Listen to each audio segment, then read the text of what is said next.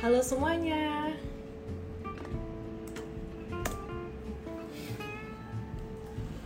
Hi, hi everyone.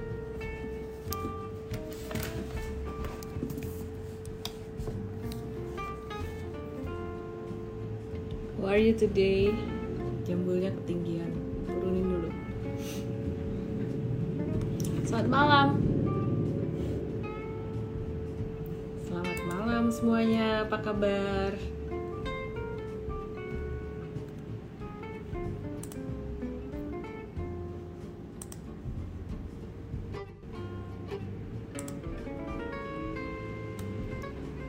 Terima kasih untuk emiten tadi jam 5 sore. Aku senang banget loh. Aku senang banget hari ini. Tahu nggak kenapa hari ini saya sangat senang sekali? Karena hari ini tadi saya bisa uh, M-Trade ya. M-Trade bisa beda emiten bareng dengan satu perusahaan yang paling gede di Indonesia secara kapitalisasi di bursa ya. Jadi uh, salah satu perbankan yang gede banget tahu nggak? Uh, siapa lagi kalau bukan BBCA gitu jadi uh, ya mungkin saya cerita dikit aja ya acara ini tadi buat our VIP user dan rekamannya juga bisa masih bisa ditonton buat teman-teman uh, yang menjadi our VIP user kita. BBYB-nya keren. Thank you Andret. Terima kasih untuk semua tim kita juga dan terima kasih buat teman-teman semuanya yang udah percaya sama kita. Nah, BCA ini mau stock split nih. Hari ini kita bukan cuma mau ngomongin BBYB dan juga perbankan-perbankan yang digital yang uh, yang baru hype, tapi kita juga mau ngomongin tentang BBCA. Kita mau summary dikit nih dari acara yang yang tadi kita ngobrol ya bareng dengan Pak Yahya Stiatmaja, CEO dari BCA dan juga CFO BCA um, Ibu Vera Evelyn gitu. Jadi saya sangat sangat mengapresiasi sekali, Mtrade sangat berterima kasih sekali pada manajemen BCA, terutama Pak Yahya yang udah nyempetin waktu dan Bu Vera. Padahal waktunya Pak Yahya tuh sangat sibuk sekali, susah sekali gitu ya biasanya kalau uh, teman-teman yang lain mau temen, info dari teman-teman institusi gitu, waktunya tuh susah banget. Thank you so much, mantap MLPL, thank you uh, BBB MLPL BABP. Oke, okay, thank you semuanya. Ya, sambil nunggu teman-teman yang lain bergabung ya, sambil nunggu teman-teman yang lain bergabung. Bris hari ini hari ini ARP gimana ke depannya? Udah naik tinggi? Bris sama Agro udah naik lumayan tinggi hari ini uh, ke depannya gimana? Ntar aku akan bahas untuk BRIS pastinya hari ini kita akan ngobrol dulu tentang sentimen global dan juga sentimen uh, nasional. Oke sambil nunggu teman-teman yang lain bergabung ya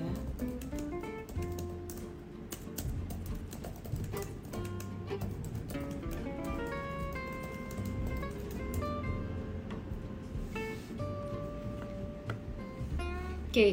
ya teman-teman, uh, Bris Agro udah kelar ya? Rasanya sih belum sih ya. Teman-teman, sebelum aku mulai, aku mau kasih disclaimer dulu dan aku matiin komen dulu ya teman-teman ya.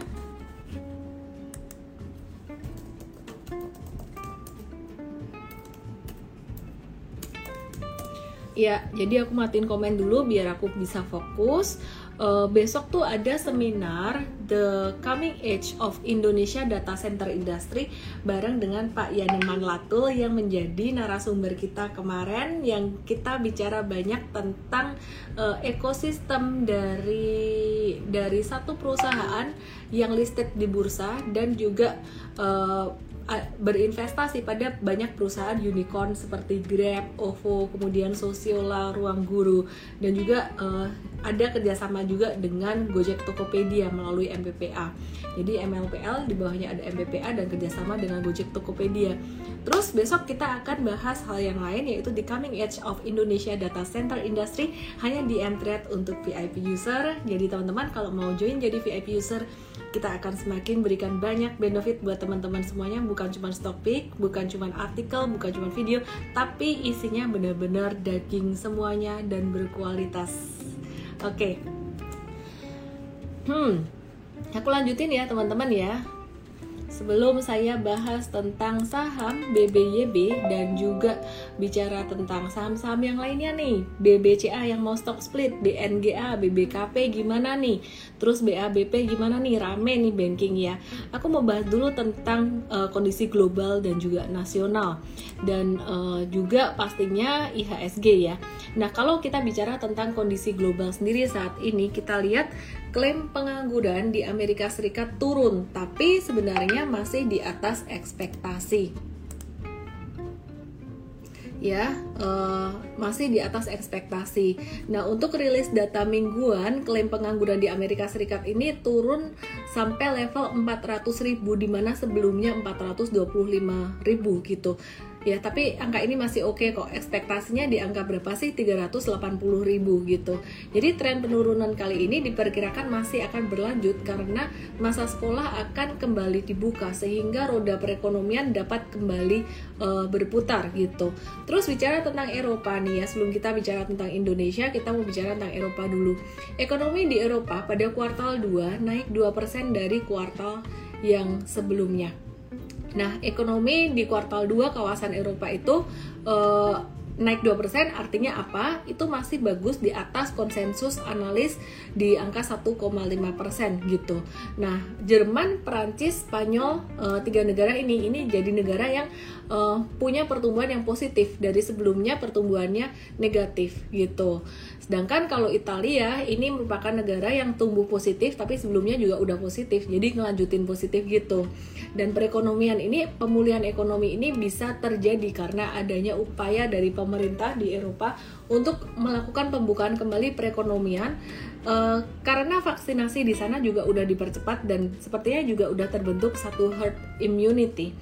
Di Indonesia harapannya di akhir tahun ini bisa terbentuk herd immunity dan di tahun 2022 di tahun 2022 harapannya juga kita semua bisa bisa mulai terbebas dari pandemi ya teman-teman ya terbebas dalam arti semuanya mungkin udah menjadi imun dan uh, ekonomi udah bisa berjalan dengan lancar gitu. Update COVID-19 di Indonesia ya. Teman-teman masih di rumah kan? Masih WFH ya teman-teman ya. Update COVID-19 di Indonesia per 29 Juli atau kemarin um, kalau kita perhatikan jelang PPKM level 4 berakhir, kasus positif COVID-19 kasus barunya ini berhasil ditekan atau melandai hingga angka 41.168 kasus. Nah, hal ini juga menunjukkan bahwa adanya uh, PPKM ini bisa berhasil ya setidaknya ada efektivitas lah untuk menekan uh, COVID-19 ini. Oke, terus sentimen positif buat Indonesia hari ini kita kedatangan lagi vaksin Sinopharm 1,5 juta dosis untuk program vaksin gotong royong. Pada nanya ini BBYB, sabar sabar. Ya, jadi uh, sebanyak 1,5 juta vaksin untuk uh, program vaksin gotong royong. Harapan saya sih sebenarnya bukan cuma vaksin datang vaksin datang aja. Semoga benar-benar vaksinnya bisa didistribusikan dengan baik gitu ya. Jadi eh, nggak uh, ada yang kesimpan di sebagai kayak apa ya kesimpan nyetok. Bukan nyetok juga ya kesimpan di gudang kayak gitu. Gitu. Jadi harapannya semua bisa didistribusikan dengan baik Nah, sentimen positif juga Indonesia kedatangan investasi baterai mobil listrik senilai 1,1 miliar gitu. Jadi ini sentimen positif sebenarnya untuk perusahaan uh, nikel ya. Tapi sentimen ini nggak akan langsung berdampak yang langsung. Ini langsung nanyainnya pada agro dan kawan-kawan. Oke ya, ntar aku bahas ya teman-teman ya. Oke, langsung aja aku invite Coach Andre Benas yang bakalan ngobrol bareng saya, banyak ngobrol tentang saham-saham perbankan. Oke. Yang banyak ngobrol tentang saham-saham perbankan.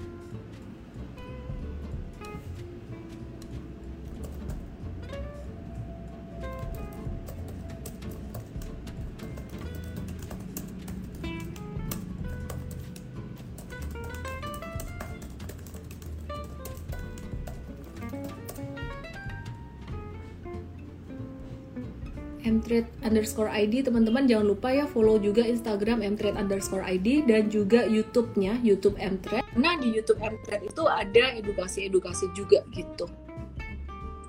Oke nanti aku akan nyalain lagi komennya. Naik turun ya komennya ya uh, apa namanya aku nyala dan matiin gitu. Coach Andre hari ini rambutnya bullish artinya besok sahamnya mau naik Enggak juga, enggak juga. Ini tadi belum mandi aja habis ketemu BCA. habis pakai gel ya tadi ya, sama BCA ya. Oke, okay. uh, eh, ya ya ya, Coach Andre. Hari ini judulnya adalah BBYB to the moon, what's next gitu. Jadi kemarin aku mungkin nyalain sambil nyalain komen deh. Uh, ya jadi BBYB to the moon what's next gitu.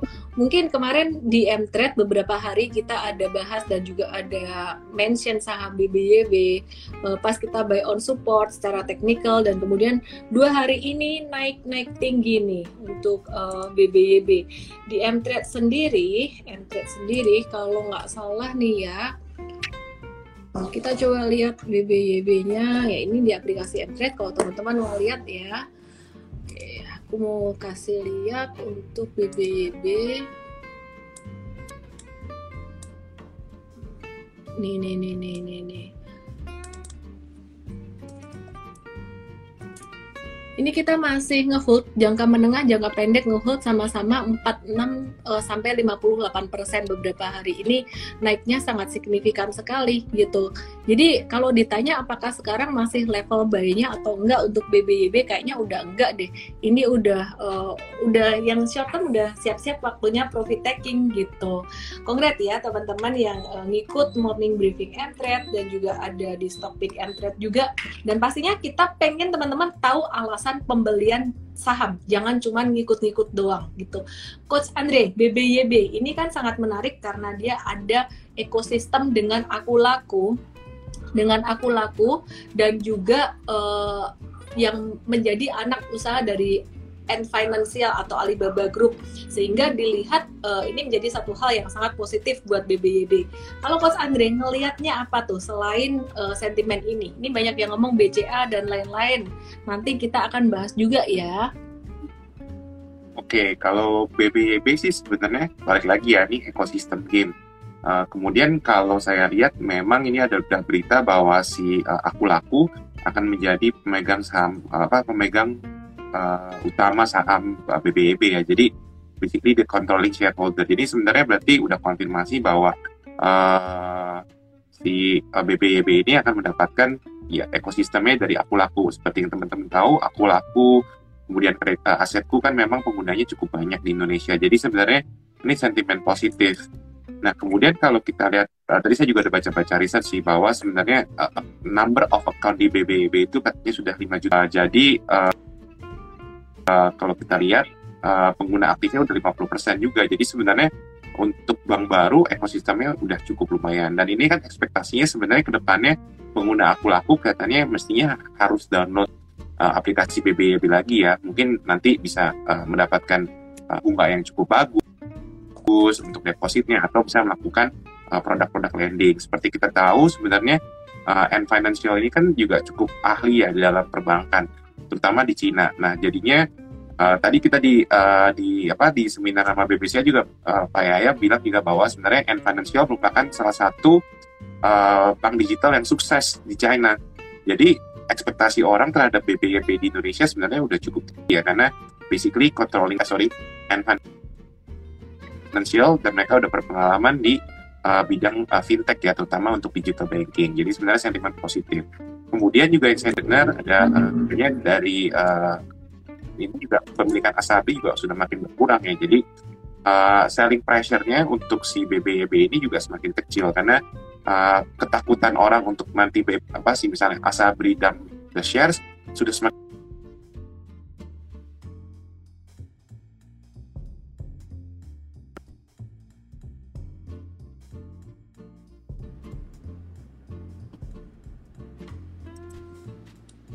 lanjut lanjut coach. Lanjut coach. Halo. Udah sih. Oke oke oke. Oke ya jadi jadi teman-teman kalau diperhatikan memang kemarin kita uh, pilih BBB itu karena secara teknikal dan juga secara fundamental juga sih. Cuman sekarang udah uh, udah udah lumayan naik banyak ya teman-teman ya. Terus pilihannya apa dong? Pilihannya apa dong? Sebelum kita bahas untuk saham-saham digital-digital yang lainnya dan juga saham-saham banking yang harganya masih secara nominal masih murah-murah, kita mau ngobrol dulu nih soal BBCA. Tadi kita ada event dengan BCA, mungkin kita bisa kasih satu wrap up dikit uh, buat teman-teman semuanya tentang event uh, eh, BCA tadi yang sangat menarik banget pemaparan dari Pak Yahya ya. BCA ini mau uh, stock split loh. BCA mau stock split dan rasionya satu banding 5 satu banding 5 sehingga kalau sekarang harganya 30 ribuan kalau stock split itu ya mungkin sekitaran uh, jadinya sekitar 6 ribuan. Jadi makin terjangkau ya buat teman-teman. Satu lotnya cuman membutuhkan 600 ribu rupiah aja. Jadi teman-teman yang millennials yang Gen Z itu bisa mendapatkan manfaat juga dengan berinvestasi dari saham BCA ini buat long term investing pastinya gitu. Nah apa sih sebenarnya yang menarik dari BCA ini? Eh, BCA secara result laporan keuangannya kemarin juga cukup menarik mungkin nanti coach Andre bisa tambahin. Nah tadi dari yang uh, aku dapetin dari Pak Yahya itu sangat menarik banget di mana BCA itu dulu uh, untuk KKB-nya untuk KKB-nya itu sebelum pandemi itu rata-rata 1,1 triliun. Nah, kemudian waktu April ketika April 2020 ketika pandemi itu sempat turun sampai jadi 90 miliar aja. Tapi tahu nggak teman-teman, saat ini KKB dari BCA ini KKB dan juga KPR, KKB itu pasti kredit uh, kendaraan bermotor dan juga kredit perumahan. BCA ini udah balik seperti sebelum Covid bahkan lebih tinggi. Bahkan uh, pada Februari Maret kemarin, Coach Andre correct me if I wrong ya, ada 15 triliun uh, kredit baru untuk KPR dan 6 triliun untuk KKB. Jadi sebenarnya angka ini jauh lebih tinggi dibandingkan dengan sebelum masa pandemi. Dan uh, kalau diperhatiin sih BCA saat ini kalau teman-teman lihat ya, gimana sih persaingannya dengan bank-bank digital lainnya era uh, digitalisasi ini? Kita ngelihat BCA saat ini juga lagi uh, launch untuk aplikasi digitalnya Blue yang apa sih bedanya dengan My BCA mungkin user interface-nya, user experience-nya semuanya juga uh, berbeda gitu ya. Tapi sepertinya BCA sendiri belum terburu-buru, nggak terburu-buru untuk IPO-in uh, Blue ini. Seperti yang kemarin dibahas di Instagram Live dan juga tadi ada di uh, Zoom juga gitu. Nah, jadi Coach Andre, mungkin ada yang mau ditambahin nih. Apa sih yang menarik dari BCA? Banyak beberapa nggak banyak sih, ada beberapa orang yang akhir-akhir ini tanyain kita, eh BCA itu blue chip ya, bakalan jadi Unilever nggak sih? Jadi semua disamaratakan gitu. Padahal sektornya tuh beda banget, totally different gitu. Kalau Unilever consumer good, di mana sektor consumer good sekarang ini juga lagi uh, terdampak secara pandemi itu yang pertama yang kedua untuk bahan bahan bakunya sendiri untuk consumer good itu lumayan mahal naik ya kan? Harga komoditas naik. Kemudian uh, yang ketiga free floatnya dari Unilever ini juga lebih kecil jauh lebih kecil sedangkan free float BCA ini gede gitu. Mungkin coach Andre bisa nambahin apa sih yang menarik dari sini? Tapi sebelumnya aku lupa tadi aku kasih disclaimer dulu buat teman-teman semuanya bahwa Instagram live malam hari ini sifatnya review aja. Jika saya suka satu saham atau coach Andre suka satu saham mungkin sifatnya adalah uh, personal dari Mtrade juga analisis kita teman-teman boleh direview dulu, jangan semuanya langsung hajar black karena investasi saham mengandung resiko. Silahkan coach. Oke, mungkin tadi juga sama ya. Mungkin saya dapat beberapa DM juga bilang, wah bisa kayak Unilever dong. Langsung saya, mungkin saya langsung bilang bahwa benar industrinya beda. Cuman uh, mungkin sebelum saya jamin mungkin ke beberapa alasan kenapa mungkin BCA nggak akan jadi kayak Unilever, uh, mungkin kasih perspektif aja ya. Jadi kalau kayak Unilever, kita tahu consumer good ya. Jadi waktu itu kan saya udah pernah nanya misalnya juga gitu, kalau misalnya beli sampo di rumah, nambah nggak tiap bulannya? Atau misalnya tiap minggunya nambah atau enggak kan enggak jawabannya. Mungkin teman-teman di sini juga gitu kan kalau misalnya saya tanya teman-teman beli sampo sebulan mungkin satu atau dua? Kan nggak mungkin bertambah ya penggunaannya uh, tiap tahun gitu. Misalnya uh, tahun ini mungkin 12 tahun depan jadi 24 kan nggak mungkin. Jadi in terms of growth aja sebenarnya udah kalah Nah, kalau kita ngomongin perbankan, perbankan itu kan sebenarnya benar-benar yang setiap hari kita gunakan ya. Uh, teman-teman transfer ke teman, uh, terus misalnya teman-teman main kripto aja pakai virtual account. Virtual account itu kadang-kadang ada mungkin di BCA. Jadi sebenarnya use case-nya aja udah udah beda ya antara Unilever sama BBCA udah jauh beda banget gitu. Jadi I don't think the fundamental teman-teman bisa samain antara Unilever dan BCA. Yang kedua, ini saya juga ada beberapa study case ya. Uh, mungkin uh, nanti dari saham yang di luar negeri seperti Apple itu rata rata-rata semua habis split naik ya, walaupun nanti ada turunnya. Tapi balik lagi itu semua on fundamental gitu. Either misalnya si si, si Apple sahamnya turun habis stock split karena penjualan iPhone yang nggak laku atau misalnya Amazon uh, penjualannya mengecewakan. Jadi bukan karena stock splitnya, tapi lebih karena fundamentalnya. Nah, kalau teman-teman mau bandingin Unilever sama BCA, ini saya udah cari perbandingan uh, annualized return antara Unilever dan BCA selama 10 tahun terakhir ya.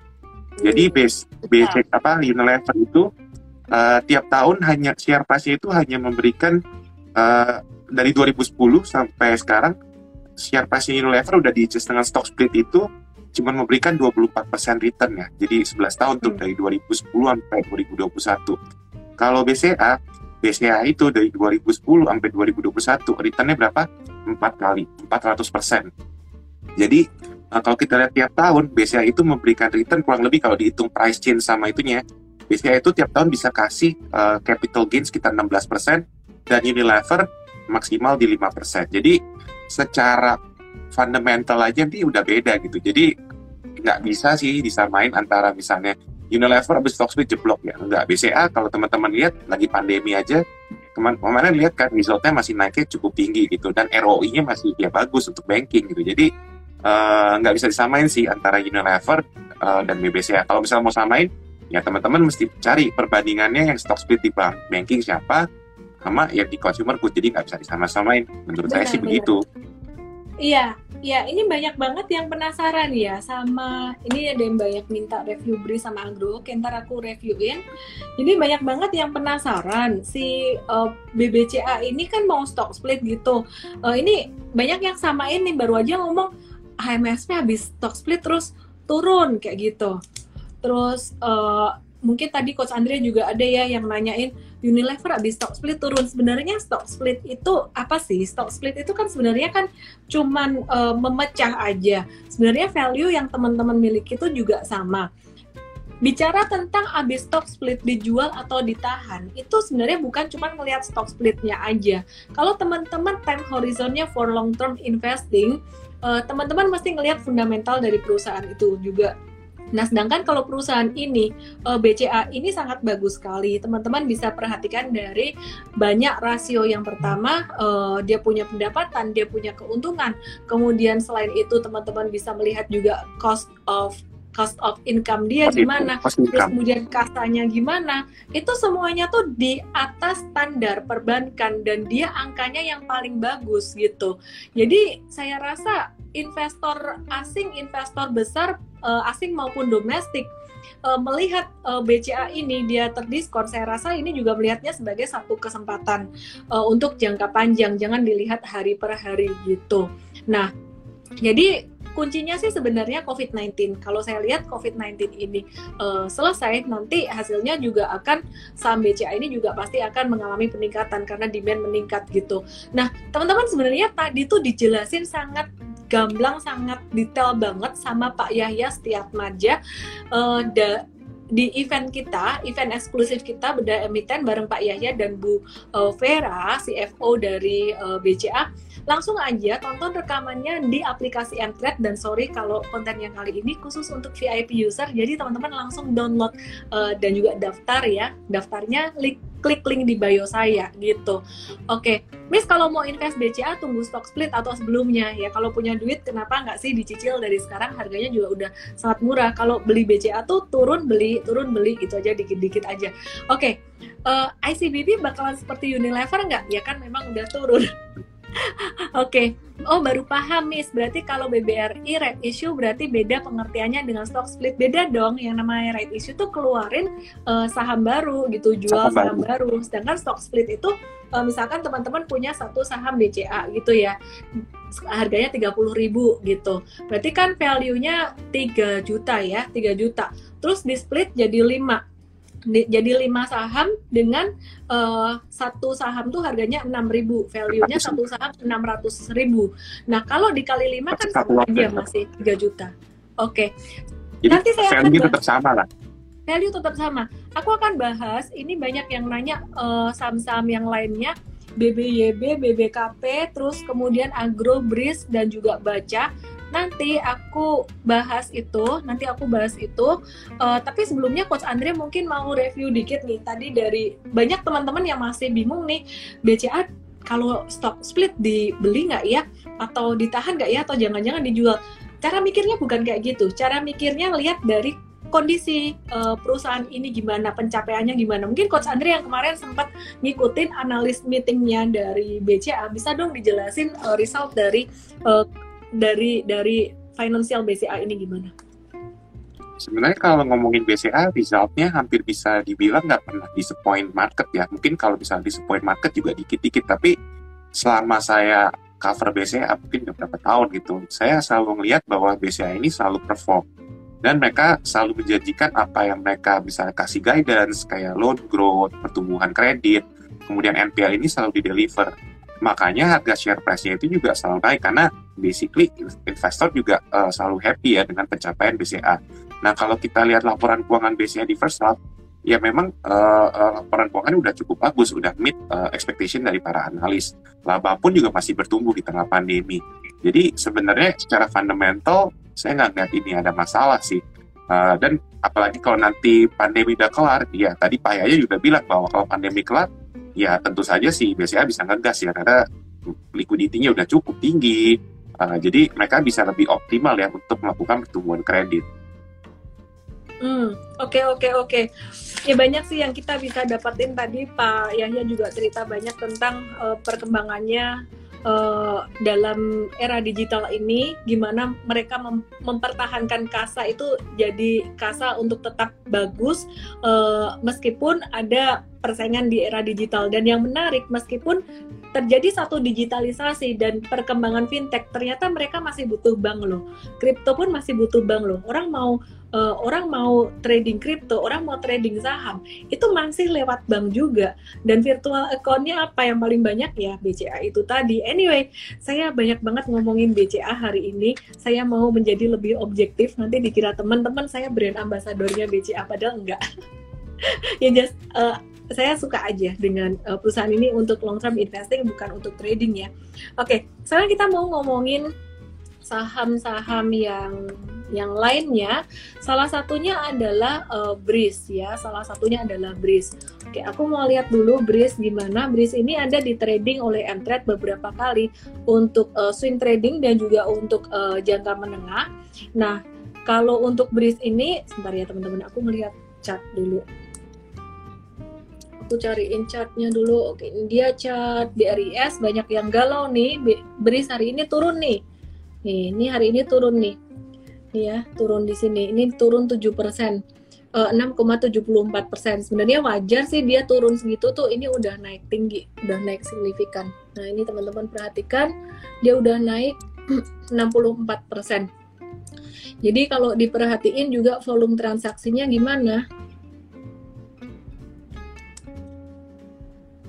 Volume transaksinya. Teman-teman perhatikan di sini nih ketutupan. Sorry aku turunin dulu. Ya ini volume transaksinya teman-teman ini harga saham naik tapi uh, volume transaksinya udah agak-agak turun agak divergen seperti ini. Tapi hari ini koreksi harga saham turun juga volumenya masih belum segede ketika dia naik sih. Uh, sepertinya mulai ada profit taking mulai ada aksi profit taking jadi teman-teman yang short term trader mulai uh, mulai realisasikan keuntungan. Mtrade udah profit taking tuh untuk yang untuk yang short term trading ya ya ini ada beberapa kali sih uh, tanggal 27 Juli, 21 Juli dan 9 Juli kemarin ada beberapa kali profit taking 5%, 13%, 4% sampai 12 terus ada juga yang kena cut loss sebelum-sebelumnya gitu. Oke. Okay Oke, nah itu untuk BRIS. Nah, kalau untuk agro gimana nih kalau untuk agro? Hmm, sebentar ya, BRIS aku tambahin dulu data fundamental dikit. Nah, BRIS ini sebenarnya laba bersihnya melesat naik 34% pada semester 1 2021 gitu dan uh, kinerja keuangannya termasuk bagus ya. Cuman kalau diperhatikan turun kenapa ya just profit taking aja sih sebenarnya gitu. Oke. Hmm, BBYB, BBYB. Apa yang menarik dari BBYB? BBYB sebenarnya story-nya juga udah udah udah price ini semuanya ya udah udah uh, ini semua ya coach Andre ya. Mungkin aku bahas secara Hmm, teknikal aja apa? Ya mungkin kalau price in sih mungkin ya udah ada sebagian hasilnya tapi sebenarnya kayaknya ekspektasi si Ant Financial ini menjadi pegang saham kendali kayaknya cukup tinggi. Karena uh, mereka cukup sukses di China ya. Tadi kan mungkin saya udah jelas bahwa saya bilang Ant Financial merupakan salah satu bank digital yang sukses jadi uh, ekspektasinya memang kelihatannya untuk BBYB ini cukup tinggi ya mengingat ekosistem BBYB kan uh, kita udah udah selalu bilang bahwa bagus pula ya. kan benar Betul, udah ada contohnya pula dari dari N Financial mereka istilah kata tuh tinggal mengikuti lah tinggal nge-copy lah gitu. Bukan nge-copy literally tapi udah ada contohnya ada pattern kan enak gitu.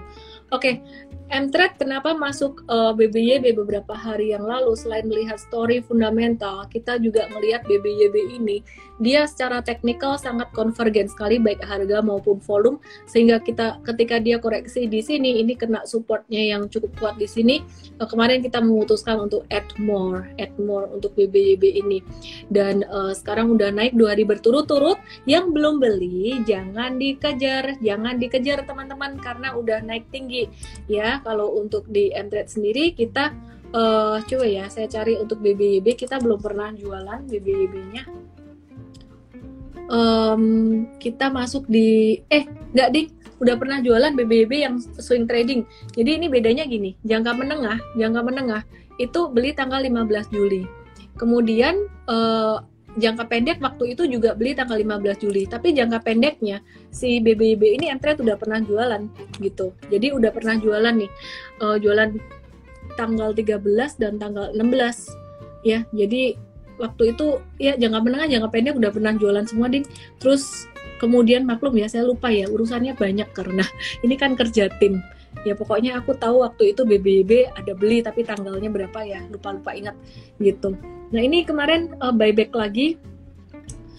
Terus ya teman-teman ini salah satu yang untung tapi kita juga pernah rugi juga kok. Jadi saya selalu tekankan itu bahwa Mtrade tidak selalu untung kadang-kadang ada ruginya juga gitu. Anyway uh, selain BBYB kita ngelihat saham perbankan lainnya yang menarik adalah BNGA. Oke, Coach Andre, boleh dikasih story-nya BNGA dong? Uh, kalau BNGA sih, saya melihatnya BNGA itu uh, ya bisa dibilang value ya, value banks. Uh, karena mereka juga dibilang besar juga belum terlalu besar seperti Bank Mandiri, BNI, atau BRI, atau BCA.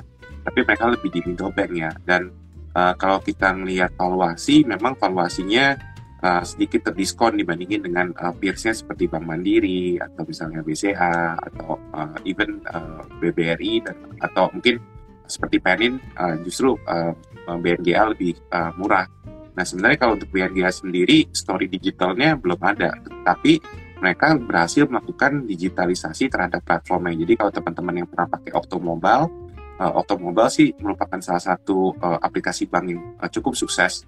Uh, dan kalau kita lihat customer base-nya juga uh, cukup banyak ya. Mereka berhasil melakukan customer acquisition yang cukup tinggi uh, di periode pandemi dan kalau kita lihat penumbuhan uh, angka kasanya pun juga sebenarnya uh, uh, cukup signifikan ya. Uh, kasa ratio mereka setahu saya nah, uh, cukup bagus di, di atas 55%. Uh, dan saya melihat ini sebenarnya positif sentimen untuk BNGA. Cuman memang untuk top line, uh, baik lagi semua pertumbuhan uh, kredit perbankan uh, di kuartal 2, saya sih expect-nya melambat ya, karena kan pandemi, jadi loan disbursement-nya uh, mestinya agak lambat. Uh, story-nya sih sebenarnya untuk BNGA uh, itu ya, tapi kalau teman-teman berharap ini bisa spiking-spiking kayak uh, growth stock uh, digital bank, kelihatannya menurut saya unlikely gitu, karena uh, dia lebih main fundamental sama cheaper valuation sih, rather than uh, digital story. Oke, oke. Oke, ya tadi uh, bicara tentang BNGA ya, aku coba kasih lihat untuk chartnya dari uh, BNGA sendiri. Mungkin teman-teman kalau di di, di di di di morning briefing akan lebih jelas lagi ya. Kita kasih data yang lebih detail. Jadi ini habis uh, breakout dari double bottomnya dan ini juga termasuk yang convergen. Mana yang lebih menarik antara BNGA dan BBYB? BNGA ini secara fundamentalis sangat bagus sekali, cakep. Cuman memang uh, story story digitalnya BBYB ini spesial gitu. BBYB dan Bang Aladin ini spesial apakah akan naik setinggi Arto? We never know, we never know. Tapi kalau ngelihat uh, backupnya si BBY BN Financial ini nggak main-main gitu. Jadi ya uh, buat teman-teman yang di Mtrade yang udah beli di bawah ya bareng Mtrade ya teman-teman bisa hold dulu gitu. Yang telat gimana ya udah jangan dikejar lah. Uh, nanti ada kesempatan yang lainnya atau mungkin bisa tunggu retracement. Nah, sekarang bicara tentang agro nih. Agro udah naik tinggi. Banyak yang nanya, kok turun? Sebenarnya turun ya wajar ya karena udah naik berapa persen ini agro. Nih, teman-teman kalau mau lihat ya. Multi-bagger juga ya? Hmm. hmm. Apa? Multi-bagger stock juga itu. Hmm. Agro ya, ini udah naik 243 persen nih sejak ya sejak bulan uh, Mei kemarin gitu. Jadi wajar sih sebenarnya kalau dia turun dua hari ini lumayan dalam ya. Uh, saya rasa itu sangat wajar sekali. Gimana ceritanya Agro dan Bris ini, Coach Andre?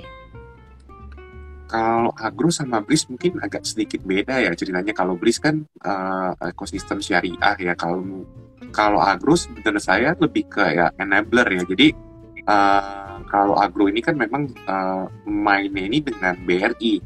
Teman-teman mesti ingat, BRIS itu bukan BRI lagi loh. BRIS itu adalah Bank Syariah Indonesia, jadi hmm. mencakup Bank Mandiri, BRI, uh, PTN, uh, dan BRI gitu. Jadi nggak spesial uh, dia nggak spesial dia nempel ke ke BRI lagi gitu.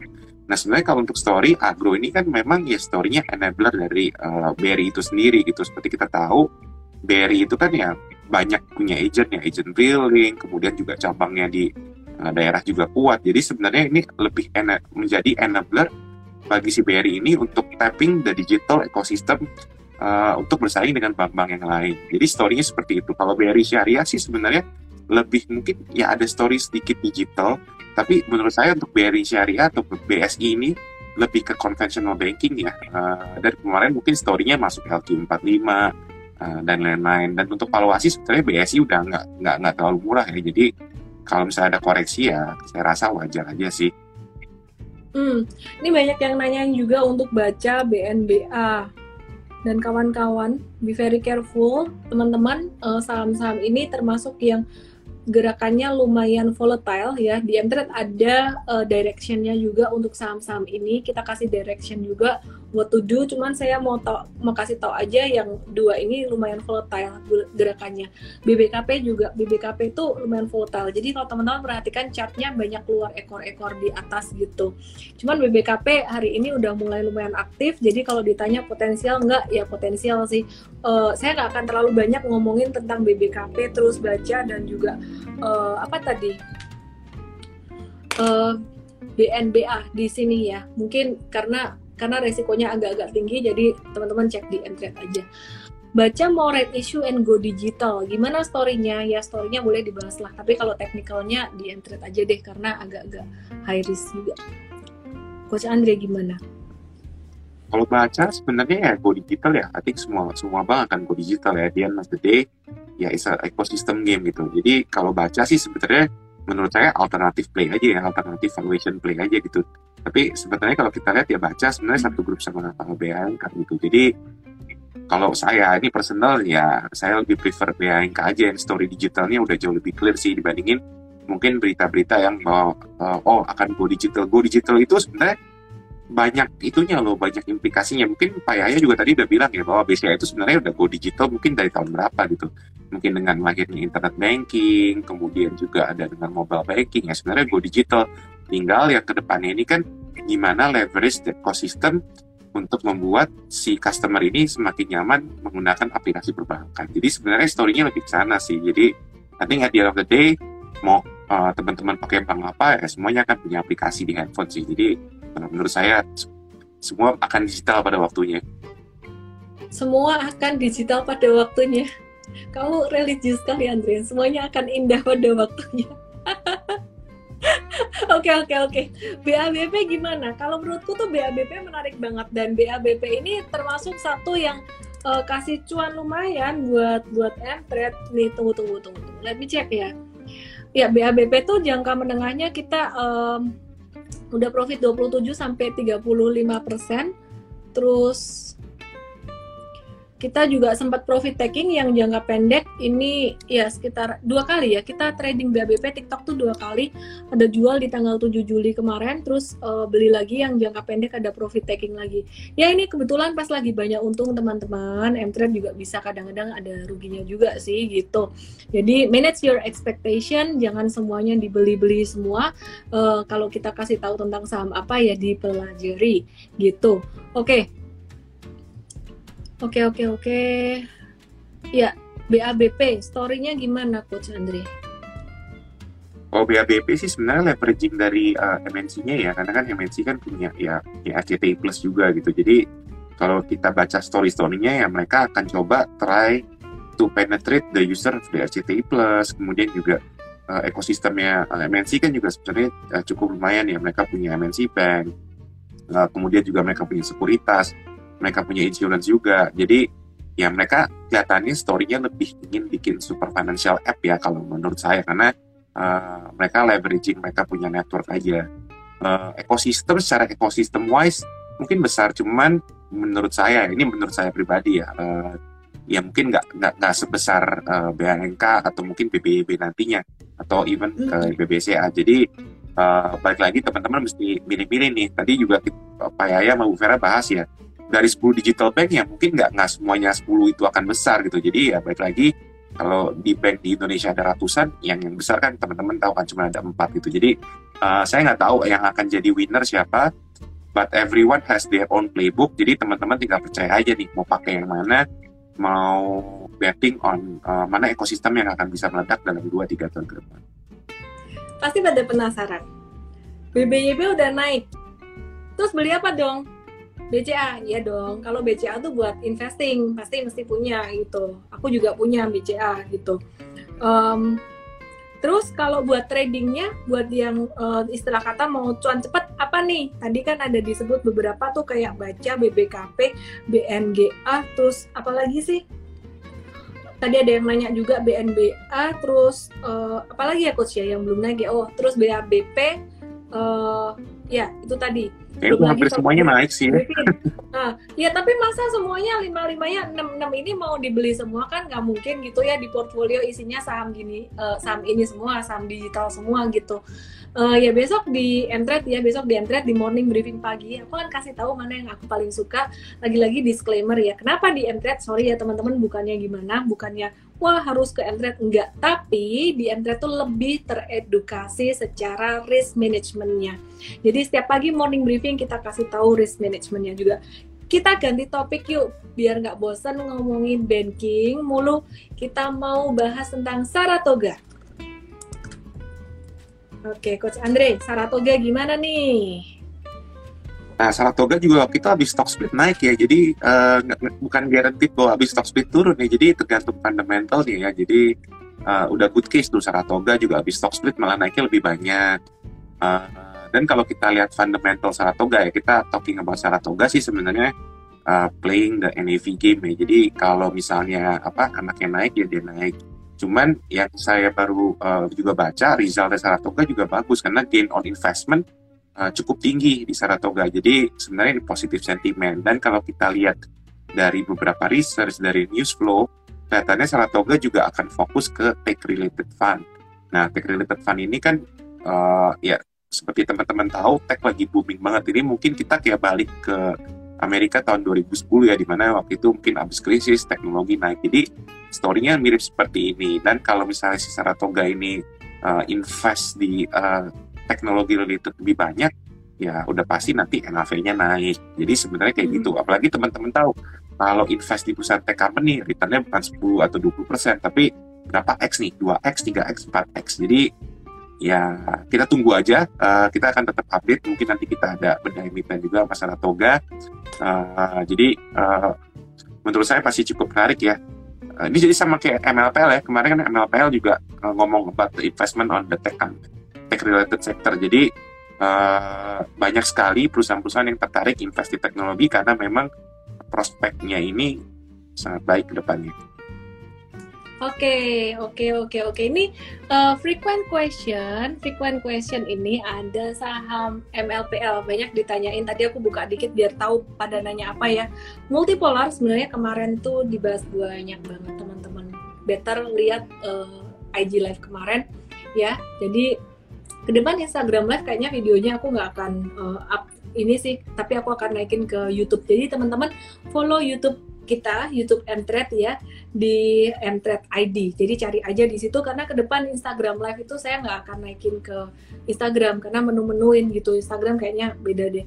Um, bicara tentang perusahaan teknologi, kita juga mau bahas tentang tower bersama saya lupa. Ternyata besok tuh hari Sabtu dan nggak ada morning briefing tapi tetap aku jawab deh pertanyaan tadi tentang saham-saham perbankan. Pilih yang mana? Uh, dan besok ada seminar di Coming Edge of Indonesia Data Center Industry bareng Pak Yaneman Lato ya bareng Pak, Pak Yaneman Lato jam 10 pagi. Teman-teman yang user VIP Android harus wajib tonton. Dan yang penasaran dengan MLPL dan semuanya uh, besok juga kita akan bahas lagi. Tapi besok sebenarnya tema yang berbeda. Tapi ya oke okay lah karena banyak yang nanya kita akan bahas tapi ini masih sideways, sidewaysnya sideways yang bagus, sideways yang didahului uptrend, masih oke-oke aja. Kalau untuk jangka menengah masih oke. Pembatasan resiko selalu jadi hal yang nomor satu yang kita perhatiin di bawah angka 30-70 kalau mau exit atau pembatasan risiko. Tapi di atas itu kalau masih mau hold pun masih oke-oke aja gitu. Nah, sedangkan untuk tower TOWR untuk tower ya, Sarana Menara Nusantara. Oke, tower sendiri ini kita ada uh, beli jual beberapa kali. Untuk jangka pendeknya tower ini udah sempat kejual tanggal 7 Juli kemarin dan kemudian 25 Juni ini juga sempat kejual. Nah, ini ada untung-untung-untung terus kemudian nih ini ada cut loss nih. Ini ada cut loss tower. Terus kemudian kalau untuk jangka menengahnya kita masih ngehold profitnya sekitar 14 sampai 17 persen. Uh, kita ngelihat untuk tower ini hari ini turun uh, beberapa hari ini turun dan kena area support gitu. Jadi dia mulai mulai bisa mulai mantul gitulah teman-teman kira-kira Uh, jadi tadi Mtrade juga ada buy on weakness lagi. Tapi kalau untuk hari Senin nanti masih boleh dibeli atau enggak ya itu lain cerita gitu. Jadi mesti real time untuk uh, untuk ininya ya. Jadi untuk tunjuk tradingnya.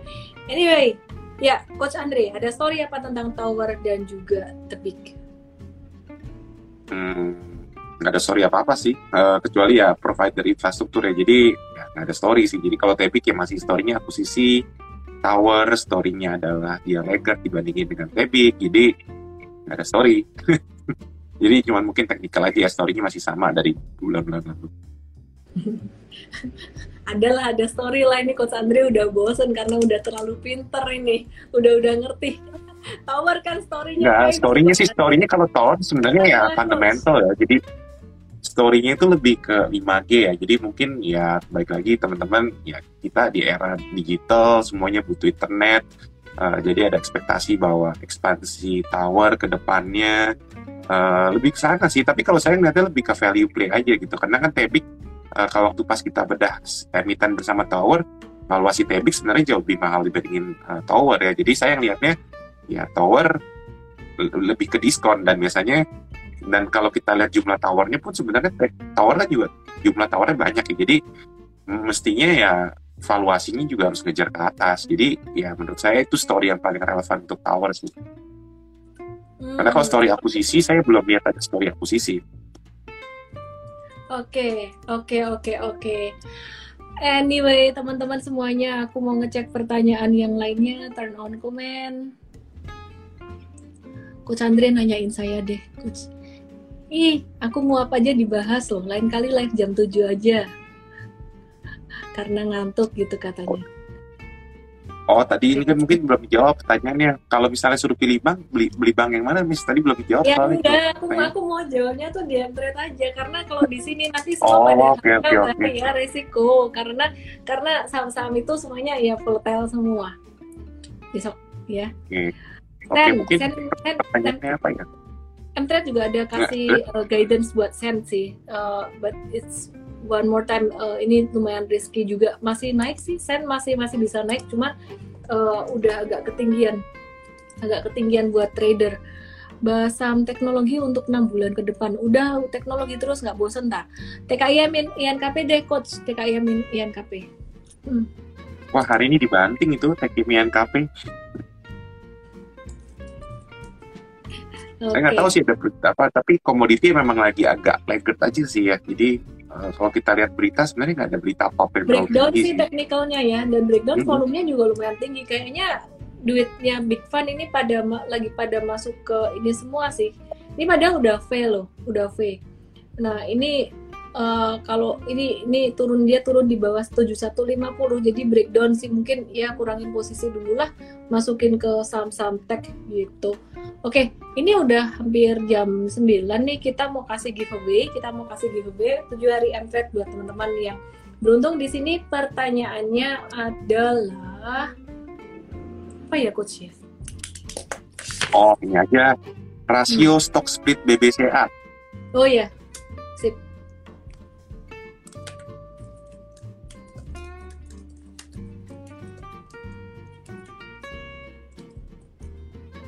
rasio stock split BBCA berapa? BSKT ini juga lambat teman-teman TKIM, INKP, BSKT.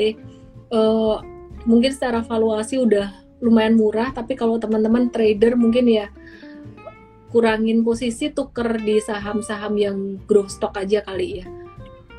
Dokter gigi Chris bedah mulut Tanjung, wah aku iklanin tuh sekalian tuh. Fahru Roji Suprapto, Felicia underscore E, Jimmy Wong, terus siapa lagi nih? Judith Felicia, lima orang. Mau kasih berapa coach? Tujuh deh. Terserah Miss. Kakak Rafa, MB Ana tuh. Udah? Tuh kakak Rafa, kakak Rafa okay. tadi tuh. Terus satu lagi. Uang rebahan tuh. Ah, uang rebahan.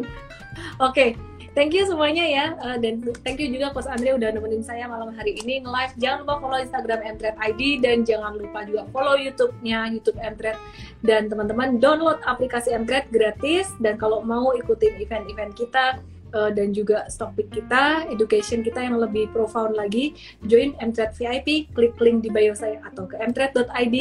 Dalam investasi saham ada keuntungan, ada risiko yang harus diantisipasi. Jangan all in kalau misalkan suka satu saham atau mungkin saya sebut satu saham berulang-ulang, ya mungkin saya suka tapi tetap jangan all in lah ya, tetap ada diversifikasi. Terima kasih semuanya. Selamat malam. Malam Coach Andre. Stay healthy. Dadah. Yeah.